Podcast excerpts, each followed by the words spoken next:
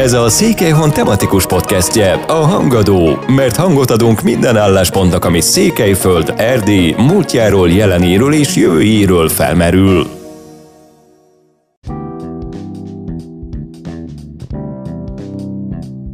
Fancsali Ernő havonta megszervezett kolozsvári kirakodóvásárt és gazdaboltot működtet a Kincsesvárosban. Több kistérségi gazdaegyesületet hozott létre a 2000-es évek elején. A vele készült beszélgetésben azt vallja, az erdi magyar gazdák felemelkedésének egyetlen útja a sikeres összefogás. Kolozs megyében két gazdaegyesület létrehozásánál bábáskodtál hosszú évekkel ezelőtt. Megkérlek, hogy egy kicsit járjuk körül ezt a történetet, tehát hogyan alakultak ezek a kistérségi egyesületek, társulások? Tehát mi volt az a, az a motiváció, amivel ezek létrejöttek? Elsősorban mi úgy láttuk akkoriban, hogy a vidéki embereket leginkább a mezőgazdaság foglalkoztatja, illetve a mezőgazdaságból keresik a Kolozs megyei magyarok a keresetüket. Éppen ezért uh, ebben láttuk a legnagyobb segítséget, tehát ha ezt a közösséget, a gazdag közösséget támogatjuk, akkor valószínűleg a legjobban, leghasznosabban tudjuk támogatni a Kolozs megyei magyar közösséget is. És azt is láttuk, hogy akkoriban egy elég erős űr volt gazda érdekképviselet terén, nem nagyon voltak aktívan működő gazdaegyesületek, és akkor úgy döntöttük, hogy megpróbáljuk összefogni a, a gazdákat, és különböző módon találkoztunk velük, felkerestük őket és hallgattuk meg az igényeiket, és akkor ennek a következtében alakult meg a Aranyosszéki Mezőségi és Kalataszegi Gazdaegyesület, amelyek különbözőféleképpen a működtek. Az Aranyosszéki és a Mezőségi volt szorosabb együttműködésben, és az Aranyosszéki volt az, amelyik a, a erősebb aktivitást mutatott, illetve onnan tudtunk több gazdát nagyon aktívan bevenni köreinkbe. Mindenhol nyitottak voltak, az aranyszéki gazdák részéről mutatkozott a legnagyobb nyitottság. A mezőségi gazdaegyesület az kb. mekkora területet fogott fel, tehát elsősorban gondolom a Kolozs megyei részét a mezőségnek. Igen, tehát kizárólag csak a Kolozs megyei részét, és a, főleg a tehát szék és kamarás a környéki gazdák vettek részt aktívabban, és de mindenképp az volt a cél, hogy lefedni nagyobb területet, akár az egész Kolozs megyét, és nincs olyan, hogy mondjuk az Aranyosszék Gazdák Egyesülete nem folytat tevékenységet a mezőségen, ha szükség van, akkor akár oda is, illetve a bizonyos általunk nyitott kezdeményezések teljesen átölelik az egész megye területét. Említetted, hogy amikor ezeket a gazdaegyesületeket megalakítottátok, akkor űr volt az érdekvédelemben. Most azóta ugye eltelt jó pár esztendő. Hogyan látod a mai helyzetet? Tehát azok a gazda egyesületek, amelyek ma működnek itt közép amelyekre jobb rálátásod van, tehát mennyire hatékonyak ezek? Egyre hatékonyabbak. Tehát azt látom, hogy óriási változás volt az elmúlt tíz évben. Alakultak meg új egyesületek, erősödtek egyesületek, az együttműködés erősödött a szervezetek között, és azt hiszem, hogy a következő években ez még jobban el fog mélyülni, mert látom az erős szándékot nagyon sok gazda vezető részéről, hogy minél erősebbé váljon az érdekképviselet. Ugye a, a gazda érdekvédelme gyakorlatilag a rendszer, 1989-es rendszerváltás után indult. Kolozs megyében is megalakultak a két világháború között létrejött gazdagkörök mintájára ezek az úgynevezett gazdaérdekvédelmi kezdeményezések. Ezeknek a gazdagköröknek a zöme már megszűnt. Vajon hogyan, tehát te hogyan látod, hogy mennyire, mennyire lehet ezt a két világháború közötti kezdeményezést, ezt a modellt feltölteni olyan tartalommal, ugye, ami a mai gazdák számára érvényes, tehát ami, ami nekik lehetőséget, lehetőséget iránymutat.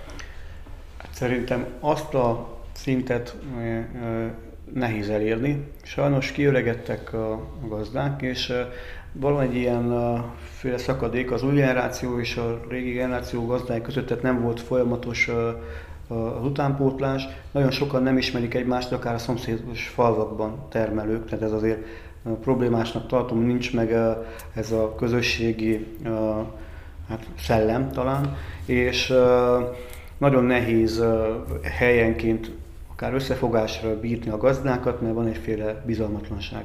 Éppen ezért kellenek a felülről jövő katalizátorok akár, tehát a egyesületek, gazda mozgalmak, akik gyakorlatilag bemutatják, hogy milyen is lehetne egy sikeres együttműködés, információkkal látják el őket, de olyan szintű tömegmozgalmak, mint voltak régen, én nem, nem látom az esélyt. Nagyon eltérő igények vannak, akár településen belül is a gazdánk részéről, és csak ott lehet akár összefogni őket, ahol hasonló tevékenységet folytatnak többen, és mondjuk egy szövetkezetben lehet őket összeszervezni, mert akkor láthatják a gyakorlati hasznát az összefogásnak. Laza kötöttségekkel nehéz tömegmozgalmat építeni, sajnos a mai nap úgy látom. Tehát nagyon sokan fel is adják a mezőgazdaságot, és akik meg folytatják, ők inkább ilyen egyéni harcosok, ahogy látom, tehát nem nagyon szeretnének másokkal közösködni. Éppen ezért akár a megye területén, vagy a, akár Erdélyben is különböző megoldások kellene különböző helyzetekre, és szerintem a sokszínű gazda mozgalom, szervezetek, egyesületek kiegészítik egymást, de nagyon fontos, hogy kommunikálnak egymással, és minél többen vannak ilyenek, annál erősebb lehet az érdekképviselet. Az érdekképviseletnél azért fontosabbnak tartom, hogy a, a értékesítésben való segítséget. Tehát szerintem ez a legfontosabb, hogy a megtermelt javakat minél jobb áron és minél több helyen tudják értékesíteni, és akár dolgozzák fel, ne a, a primőr termékeket adják el. Ebben lenne a gazdaszervezeteknek a legnagyobb feladata, és nagyon sokan látom, hogy foglalkoznak ezzel, illetve közvetíteni a román és a magyar agrár minisztériumokkal, hiszen nagyon sok információ és segítség jön, főleg Magyarországról, ezeket le kell csatornázni a gazdák fele, hát valamilyen szinten meg kell próbálni egy hasonló érdekképviseletet, mint a két világháború között volt, vagy az előtti szövetkezeti mozgalmak, de valószínűleg nem fog olyan eredményességekkel sikerülni, mint akkor. Mondjuk el azt is, hogy ugye te az Erdély Magyar Néppárt színeiben is tevékenykedsz. Most Erdélyben ugye kétféle gazda érdekképviselet létezik, az RMDS holdudvarában tartozó politikusok vagy különböző személyiségek hozták létre az egyesületek bizonyos részét, ugyanakkor ez elmondható a néppártról is. Tehát ez a kezdeményezés, amiről te korábban beszéltél, ez a néppárt holdudvarában indult. Mennyire tartott szerencsésnek azt, hogy a gazda érdekvédelem, a gazda mozgalom ennyire, ennyire politikai pályához kötődik, hogy így fogalmazzak? Nem tartom szerencsésnek, csak az a helyzet, hogy Erdélyben két opció van, vagy ebben az esetben, hogy vagy van és politikai támogatással, vagy politikai kezdeményezéssel létrejön valami, vagy nincs. Vagy nagyon kevés esetben van kivétel. Tehát, hogy ha az a választási lehetőség, hogy legyen politikai támogatottsággal valami, vagy ne legyen, akkor inkább azt mondom, legyen. És én azt érzem, hogy tehát nem a politikumnak kell felhasználnia ezeket a szervezeteket, mert ettől tartjuk problémásnak, vagy ettől látom néha problémásnak ezeket, hogyha a bizonyos politikai erő ezt, ezt haszonná szeretné változtatni. Én pont fordítva látom, tehát hogy a politikai pártnak az a feladata, hogy segítse ezeket a mozgalmakat, akár létrehozza, ha kell, akkor támogassa addig, ameddig megerősödnek, de nem felhasználnia kell őket, hanem segítenie. Éppen ezért nagyon örülök, hogyha van mindkét oldalnak, vagy a, a mindkét politikai erőnek hasonló gazdaköre. Itt az a fontos, hogy ne versenyezzenek egymással, hanem kiegészítsék egymást, és azokon a területeken, amiben az egyik oldal mondjuk hiányokat szemed, akkor a másik pótolja. Tehát, hogy az erdélyi gazdatársadalom erősödjön ebből. És ilyen forma nem látom uh, uh, negatívnak, hogy uh, politikai pártok is foglalkoznak ezzel, hiszen egy kisebbségi helyzetben mindenkire szükség van, és hogy mondjam, hát sokszor horgászbottal kell fogni ki a, a, azokat az embereket, akik aktívak és segítenének ebben. Tehát nem vagyunk abban luxusban, hogy válogassunk, hogy ki foglalkozzon a gazda érdekképviselettel, vagy a gazdák támogatásával, akár vásárszervezéssel, vagy szövetkezetek létrehozásával, itt az, aki előjön és vállalkozik erre a feladatra, ami nem olyan könnyű, azt támogatni kell és örülni kell, hogy van. Milyen a kommunikáció köztetek? Ugye többféle gazdaszervezet van itt Kolozs megyében is, létezik egyféle kerekasztal, informális találkozó, beszélgetés, tehát hogyan működik ez a, ez a kapcsolattartás? Igen, tehát informális találkozók vannak, ugye személyesen jól ismerjük egymást, és nagyon jó kapcsolatot ápolunk. Vannak együttműködési kezdeményezések is, és például Kolozs megyében szerintem nagyon jól kiegészíti egymást a többi szervezettel a, a, a miénk. Azt látom, hogy más településeken és a területeken is erre lenne szükség. Mi igyekszünk még szorosabbá tenni ezeket az együttműködéseket, mert ahogy mondtam, kiegészíteni kell egymás munkáját, és szerintem ebben az esetben az egy meg egy az több kettőnél, tehát hogy sokkal nagyobb erőt tudunk kifejteni, hogyha összefogunk, és én nem érzem azt a versenyt ebben a műfajban, mint akár a politikai pártok között, ami létezik. Szerintem nagyon is külön tudtuk ezt választani, ezért jár a, a gratuláció mindkét oldalnak szerintem, hogy sikerült ezt a területet semlegessé tenni, a politikai harcoktól mentessé, mert mindenkinek sikerült felismernie, hogy vannak olyan dolgok, amik fontosabbak a vitáknál, a politikai vitáknál. Említetted az előbb, hogy ezeknek a gazdaönszerveződéseknek, az érdekképviseletnek az egyik fő feladata lenne az értékesítés. Gondolom, hogy a gazdák részéről is ez a, a legnagyobb gond. Tehát te hogyan látod ma az erdély gazda vagy szűkebb régióinkbeli gazdáknak a, a gondját, baját, tehát mivel keresnek meg titeket? Az értékesítés a legfőbb probléma, mert ugye nem a saját fejünkből pattant ki az, hogy ebben kell őket segíteni, hanem a nagyon sok beszélgetés, konferenciák és gazdatalálkozóknak az eredménye volt, felmérésnek is az eredménye, hogy azt láttuk, hogy a legnagyobb probléma az értékesítésben van, Szerintem ez erdély szinten is így van, és a másik az pedig a pályázatoknak a lehívásában, hiszen nagyon sok negatív tapasztalatok van, nagyon sok olyan kezdeményezés volt, amikor felbíztatták őket, és most nem úgy sült el, ahogy kellett volna. És mi ezekben próbáltunk, és máig segítünk. Az lenne jó, hogyha ezt nagyobb léptékben lehetne csinálni, és akár egész Erdélyt átfogó ilyen rendszerek lennének, ahol értékesíteni lehetne ezeket a, a itt megtermelt a javakat. Tehát akár volt hálózat, vagy egy vásárszövetség, ugye a mi általunk szervezett vásárok között nagyon jó a kapcsolat, de más vásárokkal is jók a kapcsolataink, de sokkal több ilyen rendezvényre lenne szükség. Tehát látszik a változás az elmúlt tíz évben, de még van mit hova fejleszteni, és sokkal több az üzletre lenne szükség, ami befogadja és mondjuk előnyben részesíti a, a helyi termelőket. Ebben a formában úgy látom, hogy szintén történt előrelépés, de még mindig nem elég. Nagyon sok nyitottságra lenne szükség a vállalkozók részéről is, akik már rendelkeznek értékesítési pontokkal, illetve régi témához lyukadunk vissza, hogy nagyon sok szövetkezetre lenne szükség a meglévő sikeresek mellett, amelyek tudják a mennyiséget és a minőséget is garantálni, és a rengeteg termelői szövetkezet mellé értékesítési szövetkezeteket kell létrehozni, amely központosítja az értékesítés és leveszi a gazdák válláról ezt a terhet. Tehát ez az, ami hiányzik szerintünk, az értékesítési szövetkezetek, ezek oldanák meg a nagyban ezeket a problémákat. Mert amit mi csinálunk Kolozs megyében, a, bejön a vidékkel, az nagyon pici és apró mintája, hogy hogyan kellene kinézni. Igen, erről akartalak kérdezni, mert hogy ez a, a visszajelzések szerint végül is egy sikertörténet, tehát nagyon sok termelő vesz részt, a vásárlók körében is azért egyre inkább népszerű, tehát hogy mekkora szegmest jelent ez a Kolozs megyei gazdák számára. Tehát gyakorlatilag mit jelent az, hogy havonta egyszer ugye Kolozsvár valamelyik pontján van egy, van egy ilyen kirakodóvásár? Az a vásár, amit ugye 16-ban kezdtünk el, és havi szinten próbálunk megszervezni, bátran kijelenthetem, hogy a résztvevők nagy többségének egy olyan anyagi biztonságot jelent, ami hogyha mondjuk nincsen, akkor az problémákat okoz.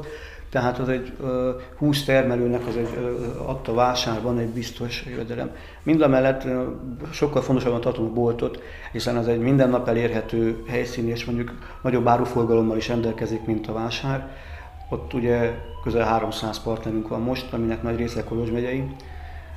De nem csak a konkrétan az általunk értékesített termékeket számítom be mondjuk eredménynek, hiszen az is eredmény, ha valaki mondjuk nálunk tudott bekerülni először egy üzletbe, és utána pedig máshol is megkeresték más boltok is, és bevették a termékeiket, vagy más vásárokba jutottak el. Tehát egy ugródeszka volt, vagy egy, egyféle teszt, tehát gyakorlatilag sokat segítettünk a csomagolásoknak a megtervezésében, a papírok beszerzésében, engedélyek beszerzésében, tehát gyakorlatilag ilyen mentorként vettünk részt sok gazdának az életében, amíg eljutott odáig, hogy bemerje vállalni, hogy mondjuk olyan mennyiséget és minőséget állítson elő, ami boltban is megállja a helyét. És ezért látom azt, hogy ez viccike apró, mert nyilván most nekünk van 3000 körüli vásárlónk, a vásárnak és a boltnak, tehát ilyen törzsvásárló, ami ugye nem olyan sok, de mégis szerintem egy jelentős erőt képvisel. Ha ezt mondjuk elmondhatnánk, hogy mondjuk az erdélyi társadalom fele tudatos vásárol és a helyi termékeket vásárol, az meg egy óriási erő lenne, ha ezt mindenhol megszerveződne, és azóta látom, hogy ez egy sikerült nagyon sok helyen a, a vásárt, vagy a, a házhoz szállítással, vagy fizikai bolttal kombinálni. Tehát mindenképp pozitív irányba indultak el a fejlődések, de én sokkal gyorsabban szerettem volna ezeket az eredményeket látni.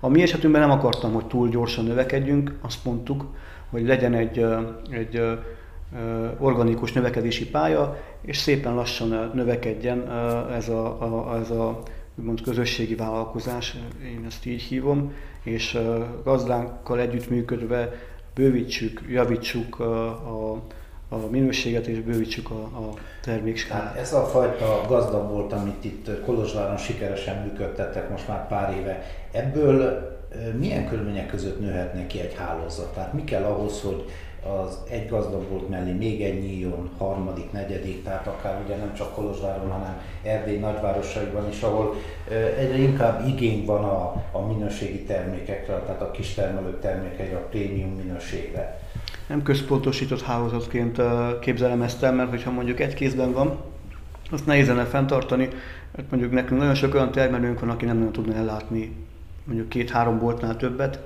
Tehát mindenhol hely, helyi specifikusan kellene ezt, ezt létrehozni, és főleg a mondjuk 50 kilométeres körzetből jövő termékeket kellene támogatni. Tehát ez mindenhol a helyi gazdakör, vagy a helyi politikum, a helyi vállalkozóknak lenne mondjuk a feladata. Ezt én modellként képzelem el, amilyenket nem szeretnék én nyitni boltot Váradon vagy, vagy vásárhelyen, ez eszünkben sincs. Maximum Kolozsván talán még egyet, amikor már olyan stabil lesz a, a bolt, hogy mondjuk önműködő, és akkor én rá tudom koncentrálni az energiámat egy másikra is. De egyelőre még most is van olyan, és ez szerintem ez a legnagyobb problémája még egyelőre a, ennek a gyermekcipőbe járó kezdeményezésnek, hogy a gazdáknak meg kell szokniuk egy, egy ilyen együttműködésnek a szabályait vagy feltételeit. Nagyon sokan nem szoktak hozzá a határidőkhöz, ahhoz, hogy mondjuk ha megbeszélünk egy bizonyos rendelést, akkor azt a terméket kapjuk, vagy azt a mennyiséget. Én ezt uh, teljesen megértem, mert hogy még nagyon a kezdetén vannak ennek az együttműködésnek. Tehát egy, egy óriási rendszernél még nagyobb problémákat uh, uh, hozna fel ez. Tehát be kell tanulnia közösen a, a boltoknak, és a termelőknek is, hogy nyilván sokkal nehezebb 300 termelővel egyenként tartani a kapcsolatot, mint mondjuk bemenni a metróba és megvásárolni minden terméket és egy sarki boltot működtetni. És éppen ezért több időre van szükség, több megértésre és hát tapasztalatcserére ahhoz, hogy ez mondjuk gördülékenyen működjön. Tehát sokkal több energiát vesz fel egy ilyen bolt működtetése, mint egy másik boltért, mert itt tényleg termékenként külön emberrel kell egyeztetni, és el kell fogadni azt, hogy nem mindig érkezik időben az áru, vagy nem az érkezik, ami van. A szezonalitás is egy fontos problémát jelent, tehát uh, éppen ezért uh, azt is megértem, hogy nem sok ilyen volt jött még létre eddig, és hogy nagyon uh, elhatározottnak kell lenni az ügy iránt ahhoz, hogy valaki egy ilyen kockázatos kezdeményezést indítson el. Ugye nem tudjuk megkerülni azt a kérdést sem, hogy a a vásárlók többsége nagy áruházakban vásárol. A gazdáknak ezekben az áruházakban nagyon nehéz bekerülni. Van néhány pozitív, pozitív fejlemény, ugye alakult néhány olyan gazdaszövetkezet, aki bejutatta a gazdák árait. Hogyan látod, hogy ez az út mennyire járható? Tehát a kis gazda össze tud úgy fogni, hogy hogy akár egy metrónak, akár egy más nagyáruháznak az állandó partnere legyen.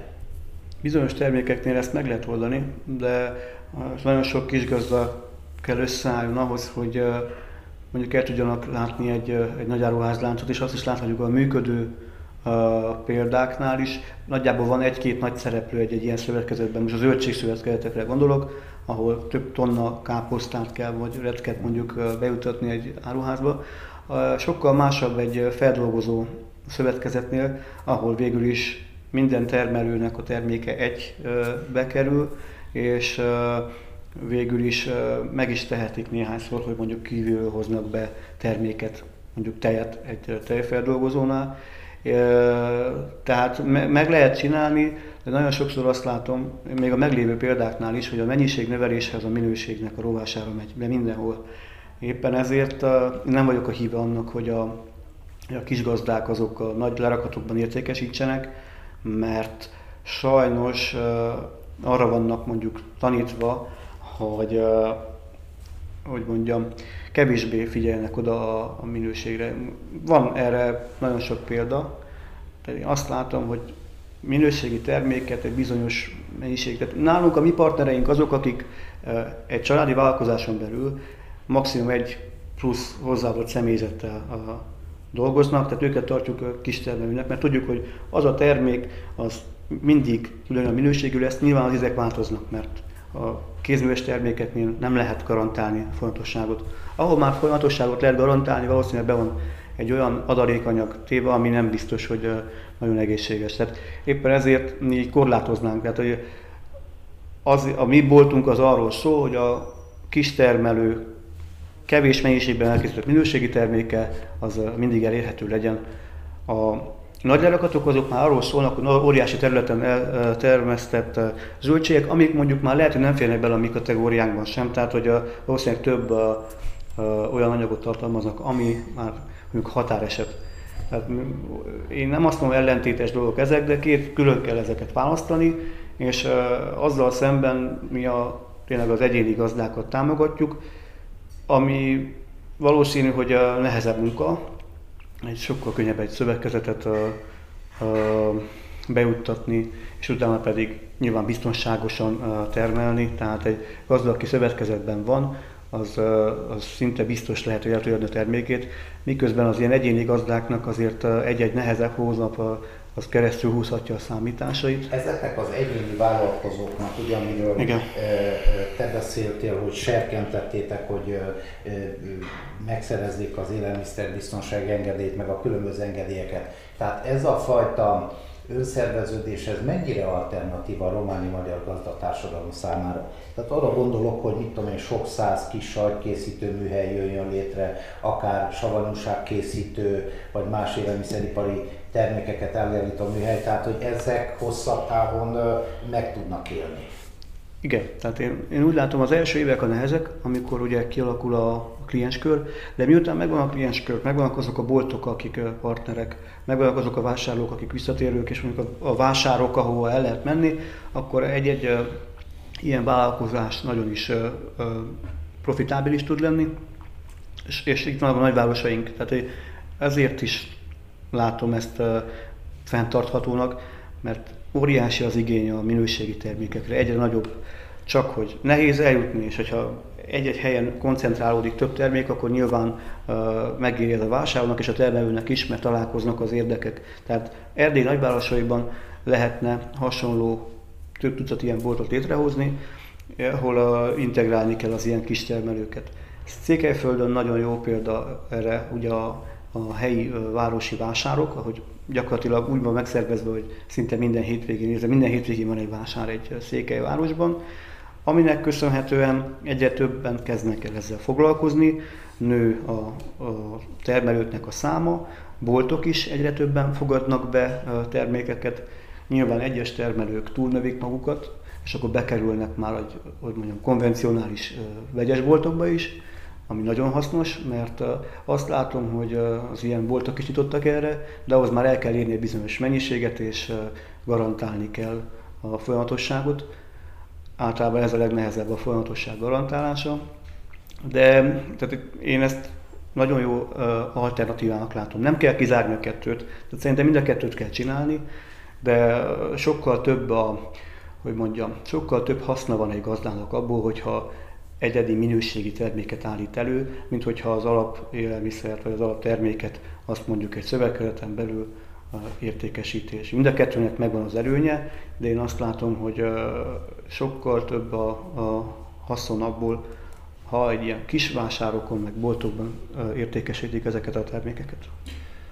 Azt is el kell mondani, ugye, hogy az emberek általában a termékek árát nézik. Tehát mi egy szegény országban élünk, függetlenül hogy ez tetszik vagy nem, és azt is jelenti, hogy az marad piacon, aki nagyobb mennyiségben és olcsón termel. Most ilyen körülmények között a kis gazda a jobb minőségű, de drágább termékeivel mennyire tud talpomolni? Tehát mondtad te, hogy ugye van egy ilyen növekvő kereslet az ilyen prémium termékek iránt, de mekkora ez a, ez a szelet, ez a vásárlói közösség?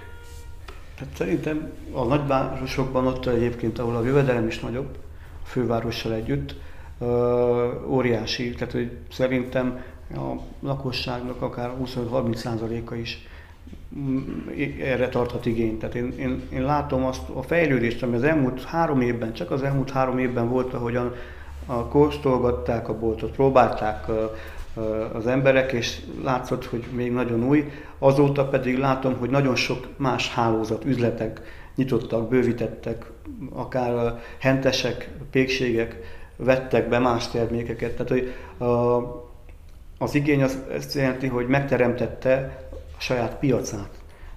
És hogyha ilyen nagy hálózatok is ebben gondolkodnak, akár létrehozzák a saját helytermelői sarkukat a bolton belül, ez számomra azt mutatja, hogy, hogy mondjam, ilyen óriási növekedés volt ezen a téren. Az már másik kérdés, hogy egy ilyen válságos időszakot, mint most, hogy akár háromszor is drágult a tojás, meg a kenyér, meg a tejtermék egy év alatt, hogy ezt mennyire lehet fenntartani, ezt még nem látjuk még a végét.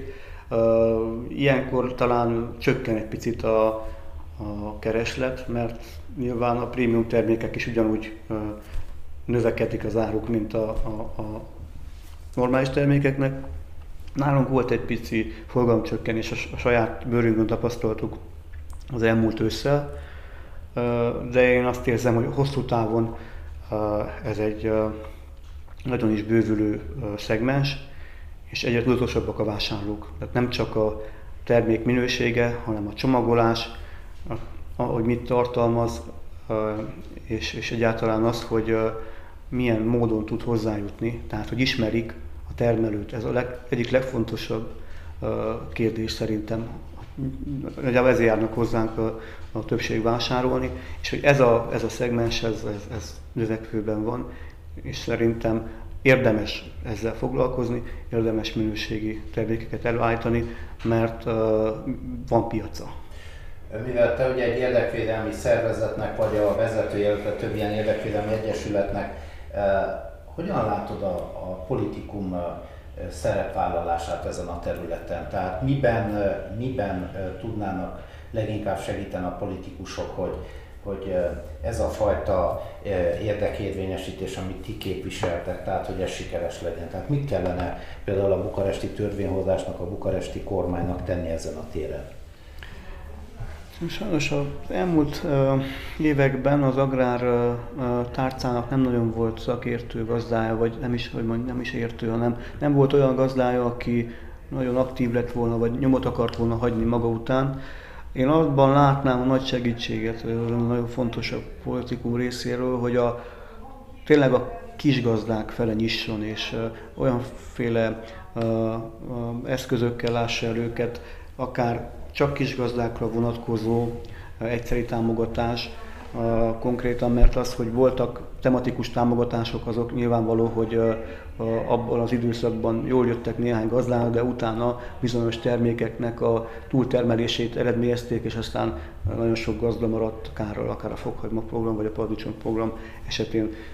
Valakinek mondjuk jól jött ki a de nagyon sokan rossz jöttek. Azon kívül nem nagyon volt olyan támogatás, ami tényleg a legkisebbeket, vagy a kisebb gazdákat. Tehát ez a de minimis támogatás. Igen. igen, tehát ami, ami tényleg a, a kis termelőket érinteni, műfajtól függetlenül, és uh, volt egy jóféle kezdeményezés, ez a, ezek az aprózálok, az állami aprózálok úgymond, ami hogy mondjam, ötletként jó volt a megvalósítás, azt nem is gondolták valószínűleg komolyan, éppen ezért is csődölt be. Uh, egy hasonló állami rendszer uh, szerintem uh, mondjuk fél, félig állami, tehát hogy valamilyen szinten rajta tartaná a kezét az állam, ez egy nagyon hasznos dolog lenne. Csak én megint úgy látom, hogy ilyen pillanatokban, amikor a, a politikum nagyon instabil, és a kormányzás az késélen táncol, ilyenkor nem lehet várni, hogy mondjuk meghatározó döntések szülessenek egy olyan műfajban, amit úgy látjuk, hogy a román politikában nem a prioritás. Tehát azt hiszem, addig, amíg nem lesz egy stabil kormánya az országnak, nem lehet várni olyan lépéseket, intézkedéseket, amelyek a gazdatársadalmat segítenék. Mondjuk nagyon jó lenne, hogyha Magyarországhoz hasonlóan mondjuk Románia a területalapú támogatásokhoz hozzátenné a maximumot, amit hozzátehet egy tagállam az EU-s támogatáshoz. Ez is egy nagyon szép gesztus lenne, de gondolom, hogy erre nincsen költségvetési lehetőség.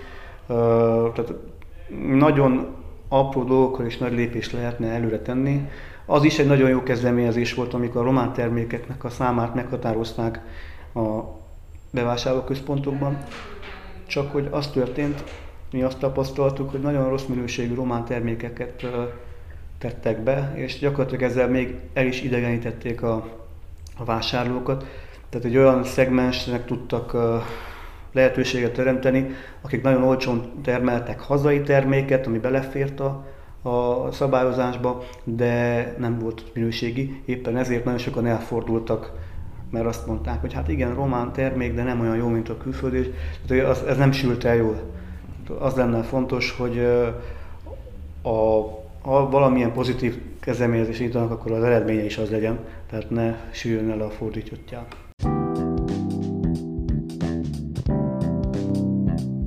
a Székelyhon podcast csatornájának adását hallották. Fancsali Ernővel, a Kolozs megyei Gazdaérdekvédelem egyik vezetőjével beszélgettünk. Ha továbbra is kíváncsi ránk, iratkozzon fel podcast csatornánkra, vagy látogasson el a székelyhon.ro podcast oldalunkra, ahol visszahallgathatja eddigi műsorainkat. Makka Józsefet hallották. Köszönöm a figyelmüket, a viszonthallásra! Hangadó, a Székelyhon tematikus podcastje minden kedden Hangadó.